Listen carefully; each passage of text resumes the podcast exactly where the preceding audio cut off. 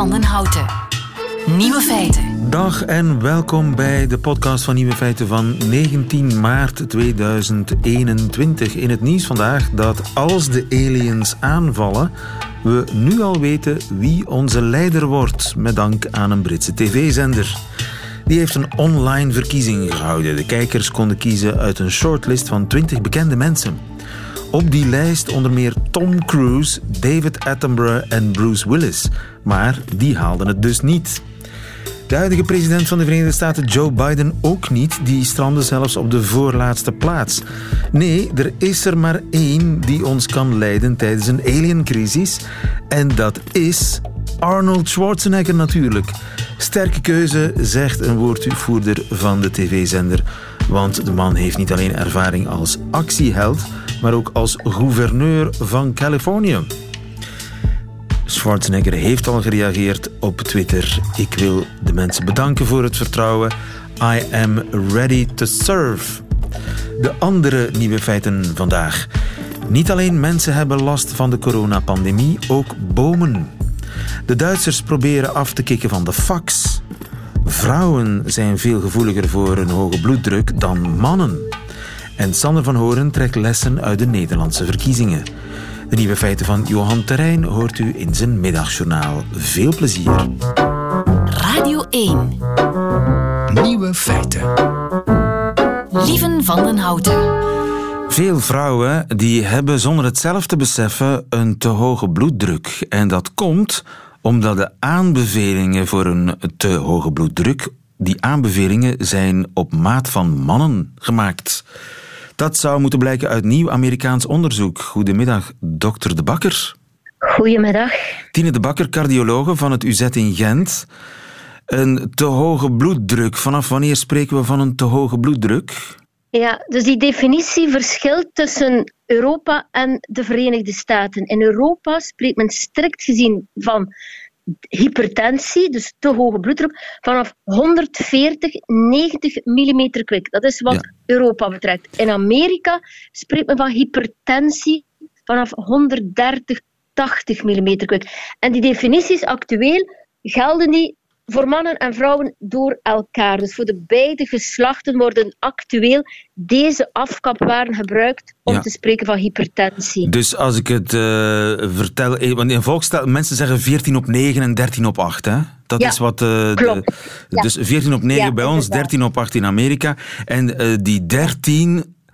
Die staat voor de bovendruk en de 8 voor de onderdruk. En de bovendruk, ik, eh, als ik goed heb opgelet in de les, hè, en die bovendruk slaat op de, de druk als het hart pompt, en de onderdruk Ja. als het hart niet pompt, tussen de slagen door. Dat is wat die twee Klopt. cijfers willen zeggen. 13 op 8 of 14 op 9. Eh, dat is de, de bovengrens. Vanaf dan eh, kunnen we bij ons spreken van eh, hypertensie, van te hoge bloeddruk. Maar er zou dus eigenlijk een onderscheid moeten gemaakt worden tussen mannen en vrouwen. Ja, inderdaad. Men heeft gezien in grote epidemiologische studies, en dus recent in Circulation, is dus een analyse verschenen waarbij men vier grote epidemiologische studies bekeken heeft. En men heeft gekeken de associatie tussen bloeddruk en cardiovasculaire aandoeningen. En vanaf elke 10 mm kwik, of vanaf elke millimeter kwik dat men omhoog gaat, verhoogt het cardiovasculair risico. Ja. En men zag, dat geldt zowel voor mannen als vrouwen, maar wat zag men? Dat dat bij vrouwen al veel vroeger begon. Dus vrouwen die een bovendruk hadden, boven de 100, boven de 110, boven de 120, hadden een duidelijk verhoogd risico op cardiovasculaire events. En dat was zowel infarct, hartinfarct, hartfalen als herseninfarct. En wat zag men bij mannen? Bij mannen zag men eigenlijk dat die dat risico dus van, eh, eh, maar begon op te treden, dus een, een, vanaf 130 of meer. Ja. Dus vandaar het verschil. Dus bij vrouwen ziet men dat dus eigenlijk al vanaf lagere waarden men een verhoogd risico heeft op lange termijn. Want dat waren studies die dus keken over 20, 30 jaar. Dat is uw risico om eigenlijk 20, 30 jaar later een event te doen. Dus een van die events. Eh, want er waren mensen in die studie, die waren, toen ze erin stapten, waren die tussen de 30 en de 40 jaar oud. Eh, de meesten, er waren ook ouderen bij, dus dat was eigenlijk een beetje eh, jonge adult, dus volwassenen tot middelbare leeftijd, die zaten in die studie en die worden dan 30, 40 jaar lang opgevolgd. Ja. En men zag dus dat bij vrouwen een lagere bloeddruk al sneller een verhoogd risico heeft op cardiovasculaire events. Ja, dus ze hebben op lange termijn gekeken bij een hele grote groep mensen. En daaruit moet je eigenlijk afleiden dat die norm, die hoge bloeddruknorm, dat die eigenlijk alleen geldt voor mannen. Voor vrouwen zou die norm eigenlijk moeten lager liggen. Ja, als je die analyse kijkt, zou je zeggen, inderdaad, ah, dat klopt mooi voor mannen. Terwijl dat de studies, ja, vroeger zaten er altijd wel meer mannen in studies. Maar in de epidemiologische studies is dat relatief goed verdeeld. Er zaten toch ook wel 50% vrouwen, of minstens 5% vrouwen. Dus het klopt. En vandaar dat men nu zegt, misschien moet men, het is nog altijd, misschien moet men voor vrouwen die, die drempel uh, gaan herzien. En moeten we eigenlijk al uh, strenger optreden. Van nature uit hebben wij vrouwen meestal wel sowieso al een lagere bloeddruk dan mannen. Maar misschien is er inderdaad wel een beschermende fysiologische reden voor waarom dat wij meestal dan mannen een lagere bloeddruk hebben. En is die lagere bloeddruk ook wel wenselijk? En er zijn daar veel theorieën rond van ja, vrouwen hebben sowieso, ook als je corrigeert voor lengte, gewicht, hebben wij fijnere bloedvaten. En dus men redeneert, misschien is dat toch anatomisch, dat die bloedvaten dan ook minder bestemd zijn om veel schade en hoge druk aan te kunnen, dus verhoogde bloeddruk. Dus dat is een van de, de potentiële theorieën dat dat mogelijk een, ja, een anatomische factor is die daar Ja. kan in meespelen. Je, je zegt Eh, potentieel mogelijk, want ja, als ik dat zo hoor, is dat toch vrij alarmerend. Want dat zou betekenen dat je een heleboel vrouwen die risico lopen op eh, allerlei problemen, ha- hartziekten enzovoort, eh, hartaanvallen en dat soort dingen, dat je die nu niet in het vizier krijgt, omdat hun hoge bloeddruk niet als zodanig wordt gekwalificeerd. Ja, ja en inderdaad, dat klopt. Dus, eh, en dat gaan we moeten bekijken. Dus dat zal nu natuurlijk, die data zijn nu geanalyseerd, bekendgemaakt. Dus men zal nu nog andere studies, andere projecten bekijken om te zien van oké, zien we dat ook uit andere studies, andere observationele data tevoorschijn komen. Want we weten op zich, doen wij vrouwen gemiddeld tien jaar later cardiovasculaire events dan mannen. Dat is, dat is een feit. En wanneer beginnen we de mannen in te halen met onze hart- en vaatziekten? Dat is voornamelijk na de menopauze. Dus er is daar ergens een beschermende factor, premenopausaal, eh, die wegvalt postmenopausaal. Eh, en we zien verschillen. We zien dat inderdaad eh, na de menopauze dat wij vrouwen vaak de buikomtrek verhoogd wordt, de lipidenprofiel is minder gunstig, de bloeddruk is minder gu- gunstig. Dus meestal gaan wij mannen inhalen na de menopauze. Maar je zou dus kunnen zeggen, dus het is belangrijk dat we van jongs af die bloeddruk bij vrouwen strenger aanpakken om juist op latere termijn ehm, beter Ja. beschermd te zijn. En wat Ja. zou in afwachting daarvan, van die definitieve onderzoeksresultaten, wat zou u dan aanbevelen als een soort nieuwe vrouwennorm voor de bloeddruk? Ja, dus eh, wat ik dan zou aanraden, dus bij een vrouw, dat misschien dus, ja, optimaal zeggen wij, is minder dan 120-80. Maar oké, je kan dat ook niet voor iedereen doortrekken. De patiënt moet dat ook, of de, de, de persoon in kwestie moet dat ook verdragen. Dus ik zou zeggen, als vrouw, laat ons dan de 120-80. 12 Dus wat we 8. eigenlijk ja, ja, wat de normale bloeddruk actueel noemen. Dus waar, misschien moeten we eerder dus die norm gaan aanwerven eh, voor vrouwen. Ja, dus de, de norm voor vrouwen zou eigenlijk ietsje lager moeten liggen dan voor mannen, begrijp ik. Dank, Ja, dat is wat we uit deze analyse actueel ja, kunnen concluderen. Dankjewel, dokter De Bakker in het UZ in Gent voor ons. Goedemiddag. Ja, dankjewel, graag gedaan. Nieuwe feiten.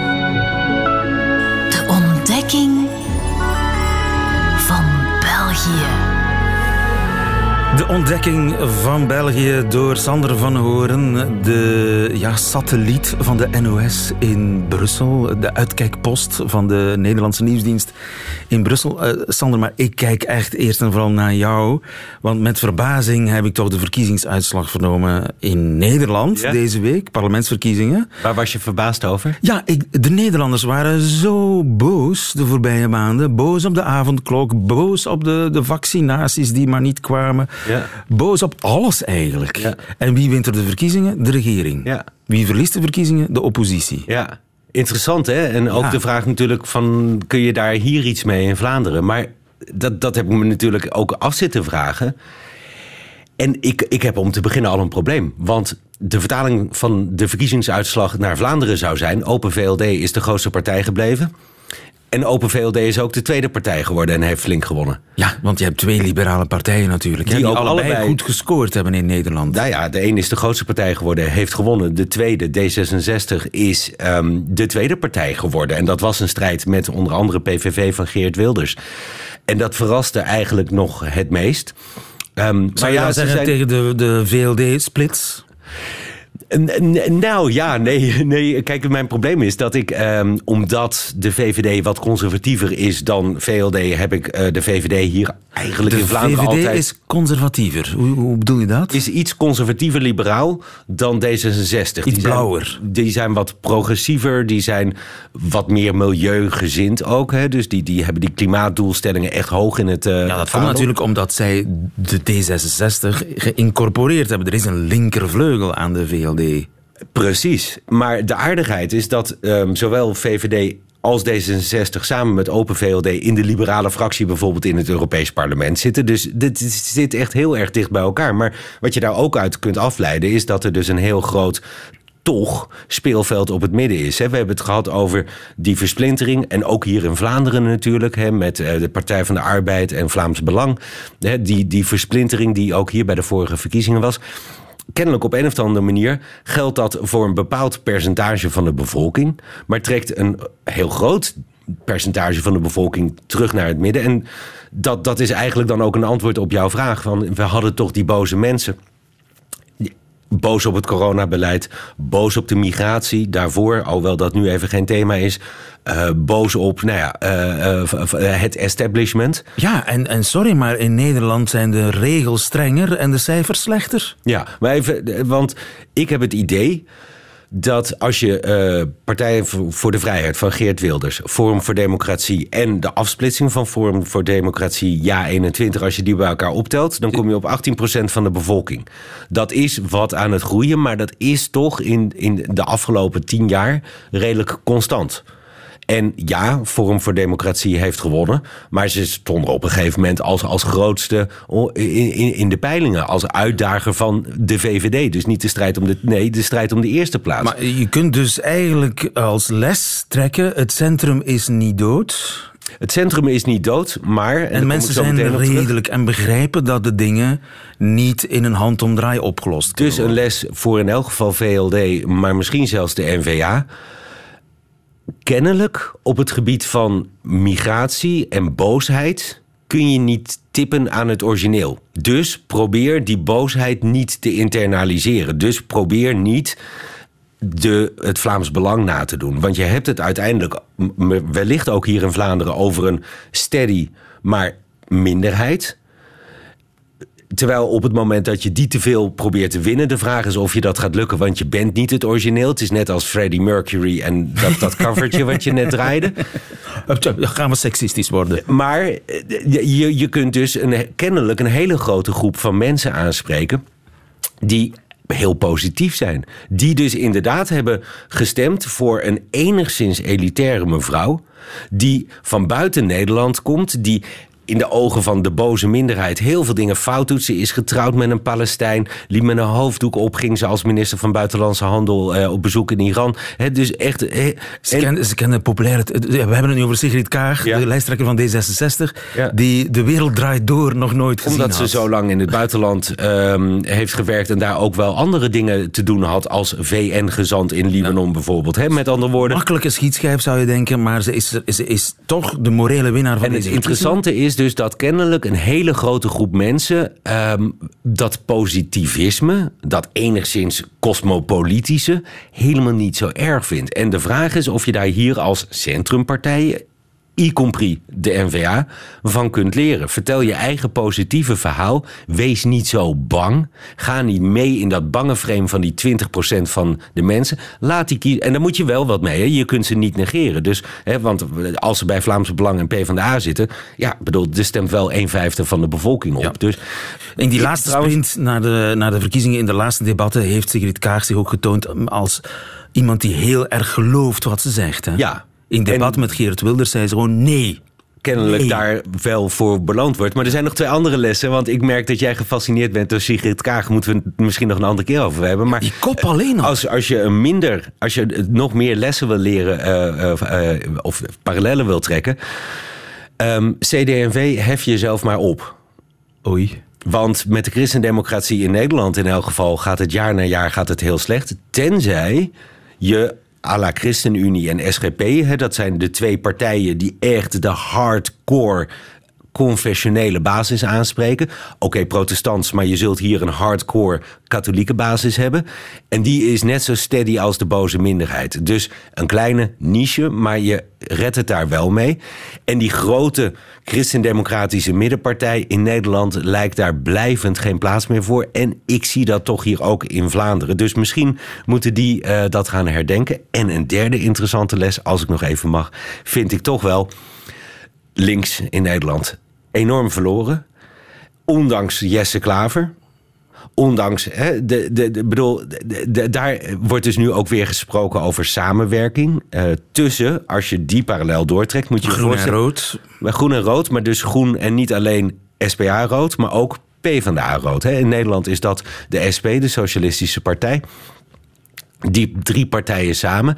Het interessante vind ik dat we dus. eh, hier heb je Conor Rousseau bij eh, de SPA. Nou, de Jesse Klaver van GroenLinks. Kennelijk is dat niet voldoende om blijvend een soort winst te genereren. En dat is iets waar de SPA dus ook inderdaad naar kan kijken, naar Nederland, naar is het voldoende om zo'n beweging te starten met een jong en aansprekend boegbeeld die niet de termen van de oude politiek spreekt? In Nederland kun je afvragen, is dat voldoende geweest? Hier kun Dan je dat blijf ook- je niet volksheld op die manier. nou, apparently niet. En dan is dus de vraag: moet je hier toch niet met een links wat steeds kleiner wordt, de krachten samenwerking zoeken? Ja, dat Maar- gaan ze in Nederland gaan proberen. Ik denk... Ja, ik, ik- ja. Maar dat, is dat, niet de is eerste één, keer dat dat... belangrijke maar. De, de belangrijke maar is dat Open VLD hier doet wat VVD en D66 in, bij elkaar opgeteld in Nederland hebben gedaan. Namelijk het midden op of links eigenlijk opeten. Dus zij, en ik heb dat hier eerder in de- het kader van Mark Rutte verteld, maar eh, dat geldt zeker ook voor eh, eh, D66, die gewoon heel veel groene stemmen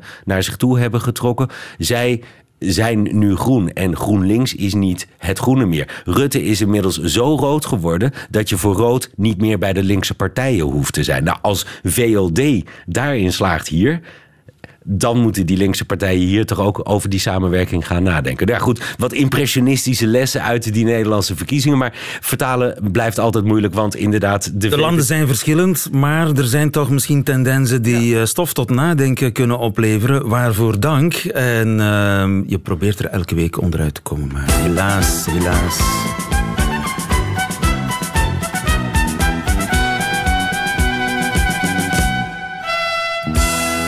Examen Vlaams. Hoe goed is je kennis van eh, de Vlaamse variant van het Nederlands? We zoeken naar uitdrukkingen waarvan ik veronderstel dat ze weliswaar algemeen gebruikt worden in de Vlaamse volksmond, maar onbekend zijn in Nederland. Wat is een plakker? Een plakker. Ja, dat kan van alles zijn. Dat Ah, kan ja. de- de- heb je de context ehm, op de weg of in het medicijnkastje? Eh, Bijvoorbeeld een Ja, het is een, medicijnkastje? een pleister dan. Wauw, Ja.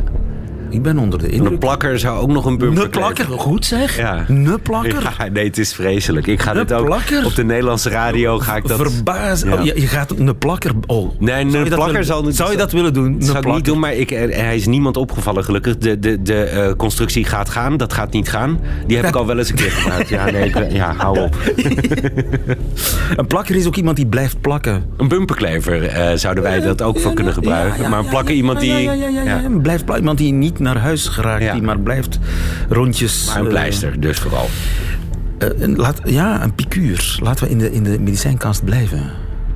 Picuur. Oh, ik ben hem wel eens tegengekomen. Picuur. Nee. Nee, toch niet. Zou ik niet weten. Nee, een pincet? Nee. nee. Een spuit. Een spuit? Oh, oh. Een vaccin zet je met een picuur. Ja. Is dat ook picuur- weer De dokter heeft een... Ik heb een picuur gekregen. Frans? Ongetwijfeld. Ja, want ik kreeg naar aanleiding van de vorige kreeg ik een hele leuke mail van een luisteraar over de borduur. Ja? De borduur, dus de harde rand, zeg Ja, maar. Ja, ik had, Ja. ik had weer verder Ach. door moeten denken.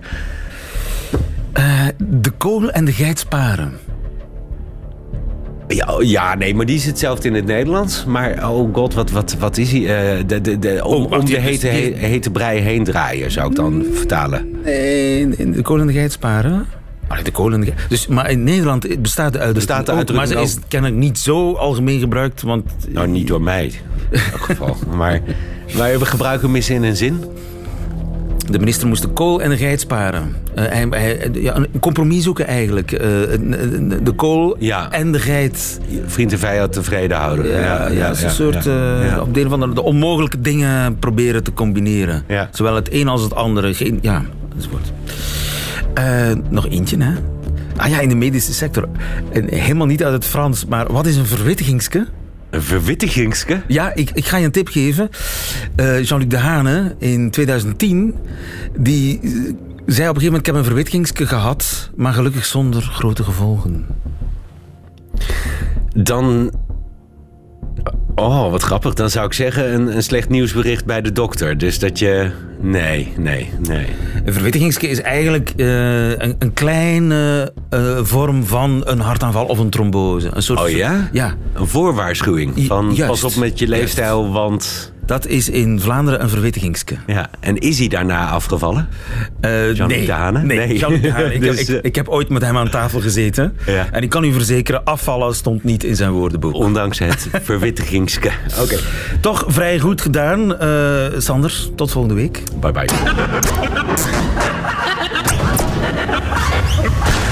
Nieuwe feiten. Niet alleen mensen zijn slachtoffer van de coronacrisis, ook bomen. Goedemiddag, Erik van de Velde. Goedemiddag. Je bent eh, landschapsarchitect van Leefmilieu Brussel, beheert dus onze parken. Mag ik vragen, hoe gaat het met het Jubelpark? Wel, eh, druk bezocht. Als ik eh, vandaag het weer zie, dan zal er... Ik ben er nu plaatselijk niet, maar dat gaat wel heel veel volk zijn vandaag, ja, inderdaad. En zie je daar sporen van in het park? Uiteraard, de, aangezien dat de frequenties en de hoeveelheden stijgen, ziet je inderdaad eh gazonperken die eh, inkrimpen. eh ziet je inderdaad sporen van erosie, want als het, de bodem te veel betreden wordt, dan verdwijnt het gras eerst en dan begint bij het hevige regenval begint dat te eroderen. Dan komen de wortels bloot van de wortels. En de mensen eigenlijk gebruiken ook niet zozeer de paden, omdat ze ergens ook die, die voorschriften door een COVID eh, respecteren. En dus proberen ze zich te spreiden in het park. En dus doorkruisen ze heel het park en, en, eh, Ja. en voetballen ze soms waar dat het eigenlijk niet mag. En zo ontstaan er zelfs van die olifantenpaadjes, hè, van die nieuwe paden, doordat altijd maar ja, weer ja, ja. nieuwe mensen diezelfde ja, sluipwegen gebruiken in het park en daar verdwijnt het gras. Vervolgens gaat de grond eroderen en dan komen wortels van bomen bloot te liggen. Ja, ja. Eigenlijk het, om de grote boosdoener bij hogere eh, gebruik en frequenties die stijgen, dat is de bodemverdichting. En dat merken we, er zijn nu. Bodemverdichting, eh, wat bedoel je daarmee? Ja. Dat het, dat het eh, plat gedrukt wordt, dat het minder, Ja, door, eh, minder water doorlaat op die manier of zo? Onder andere, dus eh, ehm, waterinfiltratie gebeurt minder, maar de, het, een van de elementen die de- het evenwicht voor evenwicht zorgt, is eh, lucht, zuurstof. En eigenlijk als je het, eh, als je het gras ziet verdwijnen en dan wordt dat nog en meer betreden, dan eh, gaat het ook dieper. En dan heb je bodemverdichting die ook dieper eh, merkbaar is. En dan begint dat inderdaad eh, de ontwikkeling van de wortels te beperken. Ja. Ik hoor je zeggen dat het met zuurstof te maken heeft. Ho- Hoezo? Ja. Zuurstof? Wel, er, er zijn verschillende die elementen die de bodem uh, maken. En dat is een van de belangrijkste, een van de belangrijke elementen is uiteraard water, maar zeker ook zuurstof. En als je over verdichting praat, is dat het eigenlijk het zuurstof uit de grond wordt geperst. Oké, dus de wortels hebben last van het gebrek aan zuurstof in de aarde. Ja, dus uh, zeker. Hè. Hoe dus, werkt dus, dat? Wel, uh, bomen hebben uiteraard uh, zijn organisch materiaal. Uh, zij, om zich te ontwikkelen hebben ze water, zuurstof, maar ook mineralen en organisch materiaal nodig. En dus als er een van die elementen uit de grond wordt geperst door de overbetreding bijvoorbeeld, dan is dat evenwicht verbroken en kunnen ze zich moeilijker ontwikkelen. En zoals ik daar juist vernoemde, is dat een wortel een bepaalde druk kan uitoefenen, als, zij, als ze begint te groeien. Maar als de bodem zodanig verdicht is dat er een tegendruk is, dan krimpt die wortel eigenlijk. Dus de, de, de grond is zodanig hard geworden dat die wortel er eigenlijk niet meer doorheen kan? Ja, inderdaad. Ja. En uh, er komen zo eeuwenoude loebassen in, in de problemen? Wel, het zit zo dat uh, ouderbomen die uh, zich door de tijden hebben kunnen ontwikkelen en ook hun wortelgestel uh, zijn beter geïnstalleerd om uh, die druk te verdragen. Maar er zijn andere stressvormen, bijvoorbeeld, zoals jullie weten, klimaat is aan het veranderen, en dus droogte en soms te nat. Dus als je die bomen verder, in, zeker in stedelijke omgeving, uh, wenst te bewaren en een verdere levensduur wilt ontwikkelen, dan gaan we inderdaad betere beschermingsmaatregelen moeten toepassen, zodanig dat de mensen eigenlijk uh, grotere afstanden houden tegenover uh, het wortelgestel en ja. de, en de planting van de boom. Ja. Dus je moet echt de ruimere omgeving van zo'n boom gaan vermijden met grote groepen mensen. Die, die boom heeft bij wijze van spreken zijn, zijn eigen persoonlijke ruimte nodig en met meer, meer bepaalde mm. wortels die mag je niet uh, ja, onder druk zetten. Kun je, ja, dat ja, al, kun je dat al zien aan bepaalde bomen dat die last beginnen krijgen? Ja, zeker. Eigenlijk de, de, de, de kritische periodes bij, bij uh, ontwikkeling zijn, de, zijn herfst en en de lente. Waarom? Omdat je daar, uh, het regent meer, de bodem is vochtiger en dus die bodemdruk is dan uh, gevoeliger. En dan uiteraard bij het uh, ontwikkelen van de boom in de lente en in de zomer ziet je dat uh, bepaalde bomen, en we hebben een aantal zo gevallen al kunnen opmerken, dat bij zo'n overdruk dat er aan, in de bodem aanwezig is, zelf bij windstil, dat de boom dan zelf automatisch zich gaat verdedigen en eigenlijk uh, takkenbreuk gaat ontwikkelen. Dus dat hij uh, takken gaat verstoten. Oei. Ja, en dan begint je ook aan de bovenste van de kruin, ziet je inderdaad een soort van uh, uh, takken die aan de, aan de top van de boom beginnen af te sterven ook. En is dat, uh, kan dat fataal worden? Op termijn zeker, maar zoals ik daar juist zei, ouderbomen hebben een, een ontwikkelde wortelgestel die door de jaren heen met minder bevolkingsdruk hebben het kunnen ontwikkelen. daarentegen, jongere bomen, stel nu dat je grote nieuwe parken aanlegt of zelfs kleine parken aanlegt in het centrum van de stad, dan zijn jongere plantsoenen dan nog veel gevoeliger aan, omdat zij uh, eigenlijk uh, uh, ja, in een beginfase van een ontwikkeling is en eigenlijk nog geen gezette wortelgestel hebben en dus daar uiteraard veel gevoeliger voor zijn. Ja, en dan die wortels kunnen zich eigenlijk niet ten volle ontwikkelen door die druk van al die wandelaars. Ja, ja. Er moeten er maatregelen komen, meer, meer ja, afrastering, zodanig dat je die bomen wat beschermt? Ja, zeker. Dat is iets dat we zeker in de toekomst gaan moeten aandenken. En zeker als we in een trend zitten van uh, stadsverdichting. Dat is iets, iets algemeen. Dat is niet alleen voor Brussel, dat zijn andere steden ook in Europa, dat ze steden willen gaan verdichten. Uh, dan gaan we inderdaad uh, het, het, het, groen, het beschikbare groen beter moeten beschermen. En zoals ik daar juist zei, ook zeker seizoensgebonden. Dus de regels aanpassen dat bepaalde zones tijdens bepaalde seizoenen moeten afgeschermd worden. En dan ook inrichting, bijvoorbeeld bepaalde zones echt gaan afsluiten en dan een eerste fase wat dat zou toegepast moeten worden, dat sensibiliseren van de bevolking. Want soms merk je goed in het, in het dagdagelijks gebruik dat de mensen daar niet van op de hoogte zijn. En dus sensibilisering gaan zeker een parameter zijn die we zeker uh, gaan moeten ontwikkelen. En bij deze hebben we daar uh, ons steentje aan bijgedragen hopelijk. Erik van der Velde, dankjewel. Goedemiddag. As, alsjeblieft, dank je. Radio 1 Nieuwe feiten. Zullen we ook eens het geluid spelen, tenminste als het mag, van de collega's van Q Music? Dit is het geluid.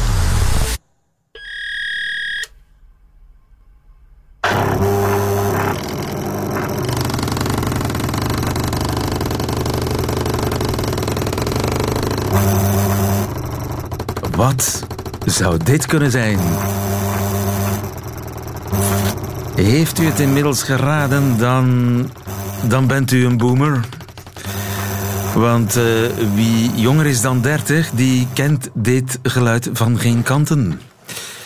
Het was een fax die uh, binnenrolt. Niet zo in Duitsland, want daar hoort dit geratel bij het normale kantoorgeluid. Want Duitsers die faxen nog volop, alsof het nog jaren 80 is. Wiepke Pitlik, goedemiddag. Ja, goedemiddag. Van Duitslandweb.nl.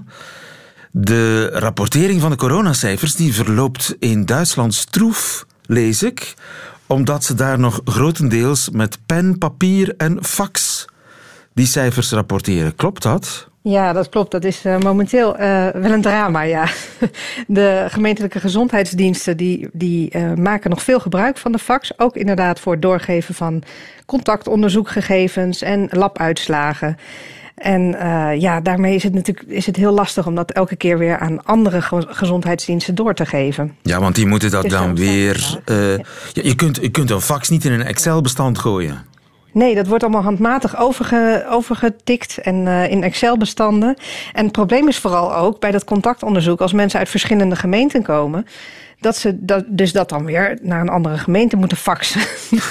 Weet je. En uh, daar moet het dan weer handmatig in het systeem gezet worden. Dus ja, daar gaat een hele hoop werk mee gepaard. Terwijl dus... er is gewoon een prachtig systeem voor. Namelijk en, uh, e-mail. Dat wordt E-mail ook natuurlijk, inderdaad. Maar uh, Duitsland heeft ook speciaal voor, uh, uh, voor het geval van een pandemie een systeem ontwikkeld. Dat is ontwikkeld eigenlijk voor ebola in Afrika. Om, dat, om al die gegevens in te verwerken. En dat zou dan door het hele land uitgerold moeten worden. En dan kan iedereen bij elkaars gegevens. Maar dat wordt niet gebruikt, helaas. Althans, te weinig gebruikt. Omdat men nogal gehecht is aan de fax.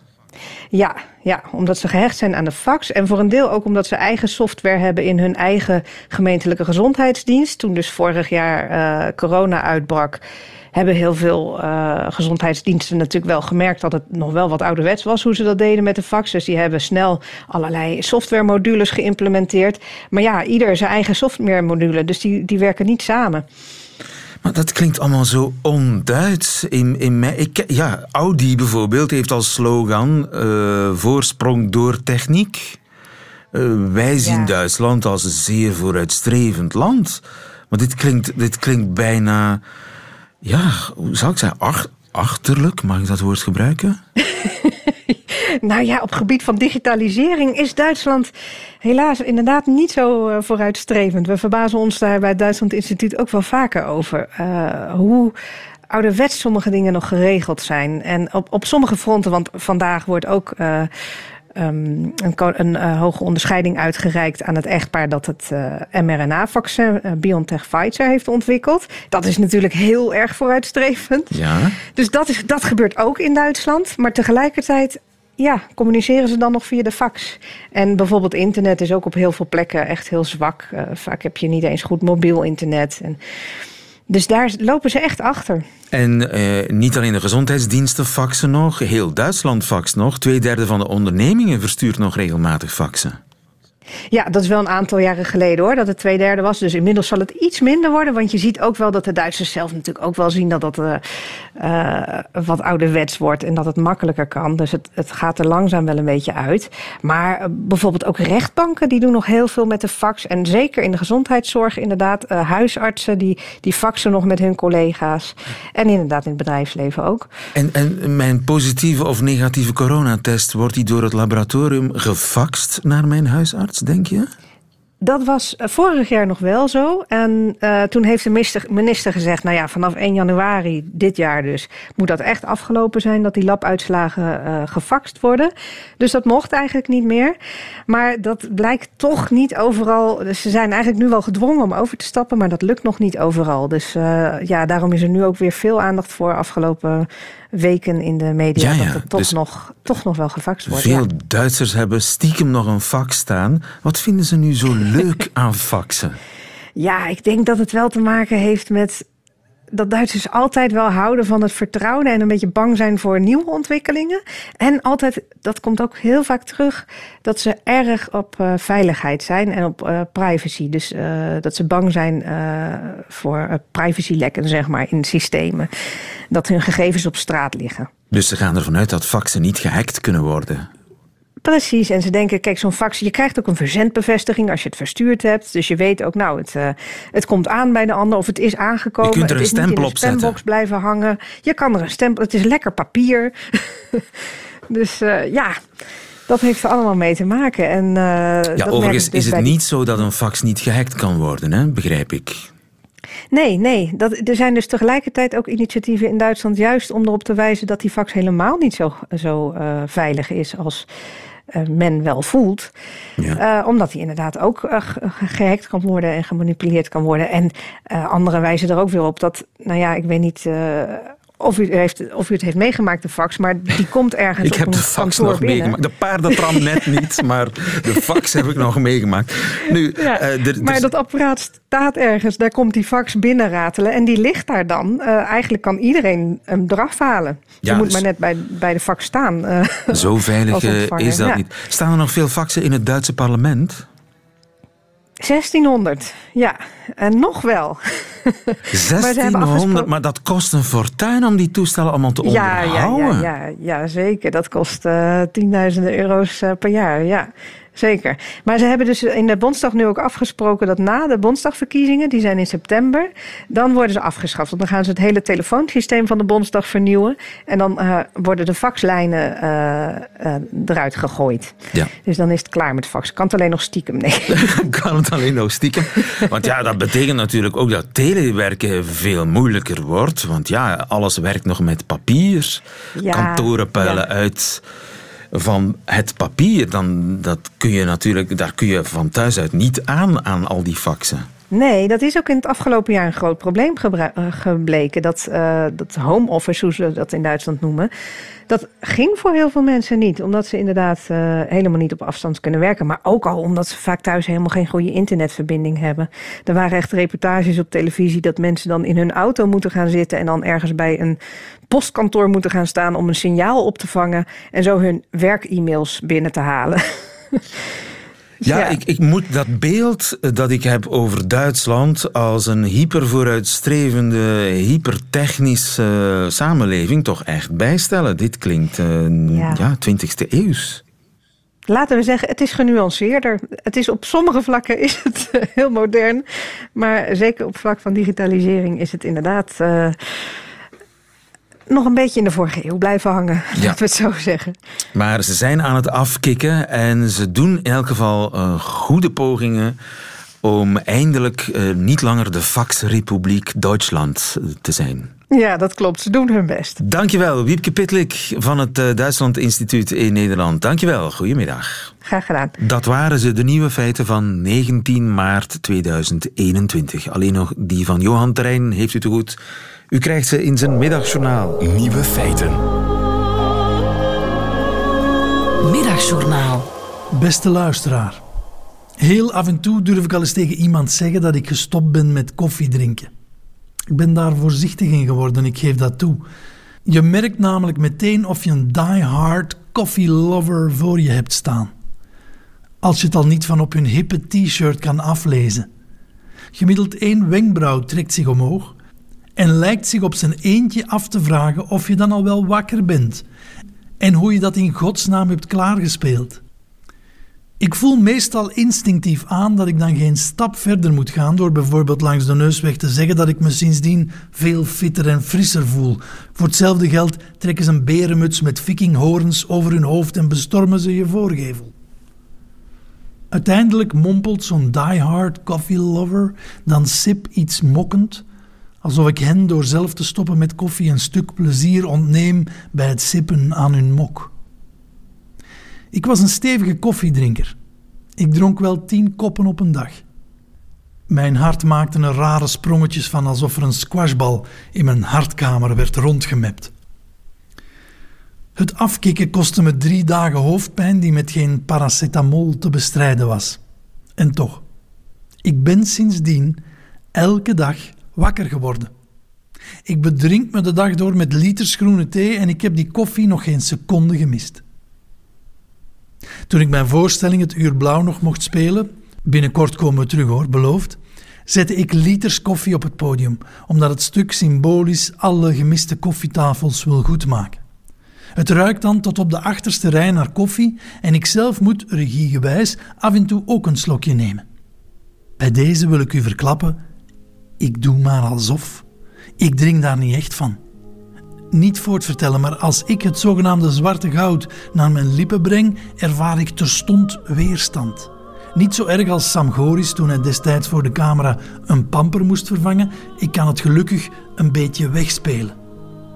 En dat is nodig, want er zitten altijd die-hard coffee lovers in de zaal. En tenslotte blijft koffie voor eeuwig en altijd het symbool voor troost.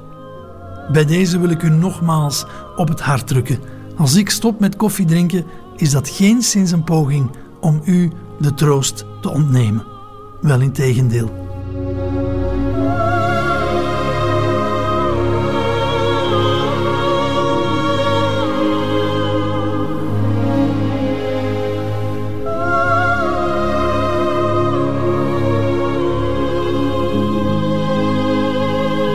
Middagjournaal met Johan Terrein. Einde van deze podcast. Hoort u liever de volledige uitzending van Nieuwe Feiten? Dat kan natuurlijk via radio1.be of via de app van Radio 1. Daar vindt u overigens nog veel meer boeiende podcasts. Tot een volgende keer.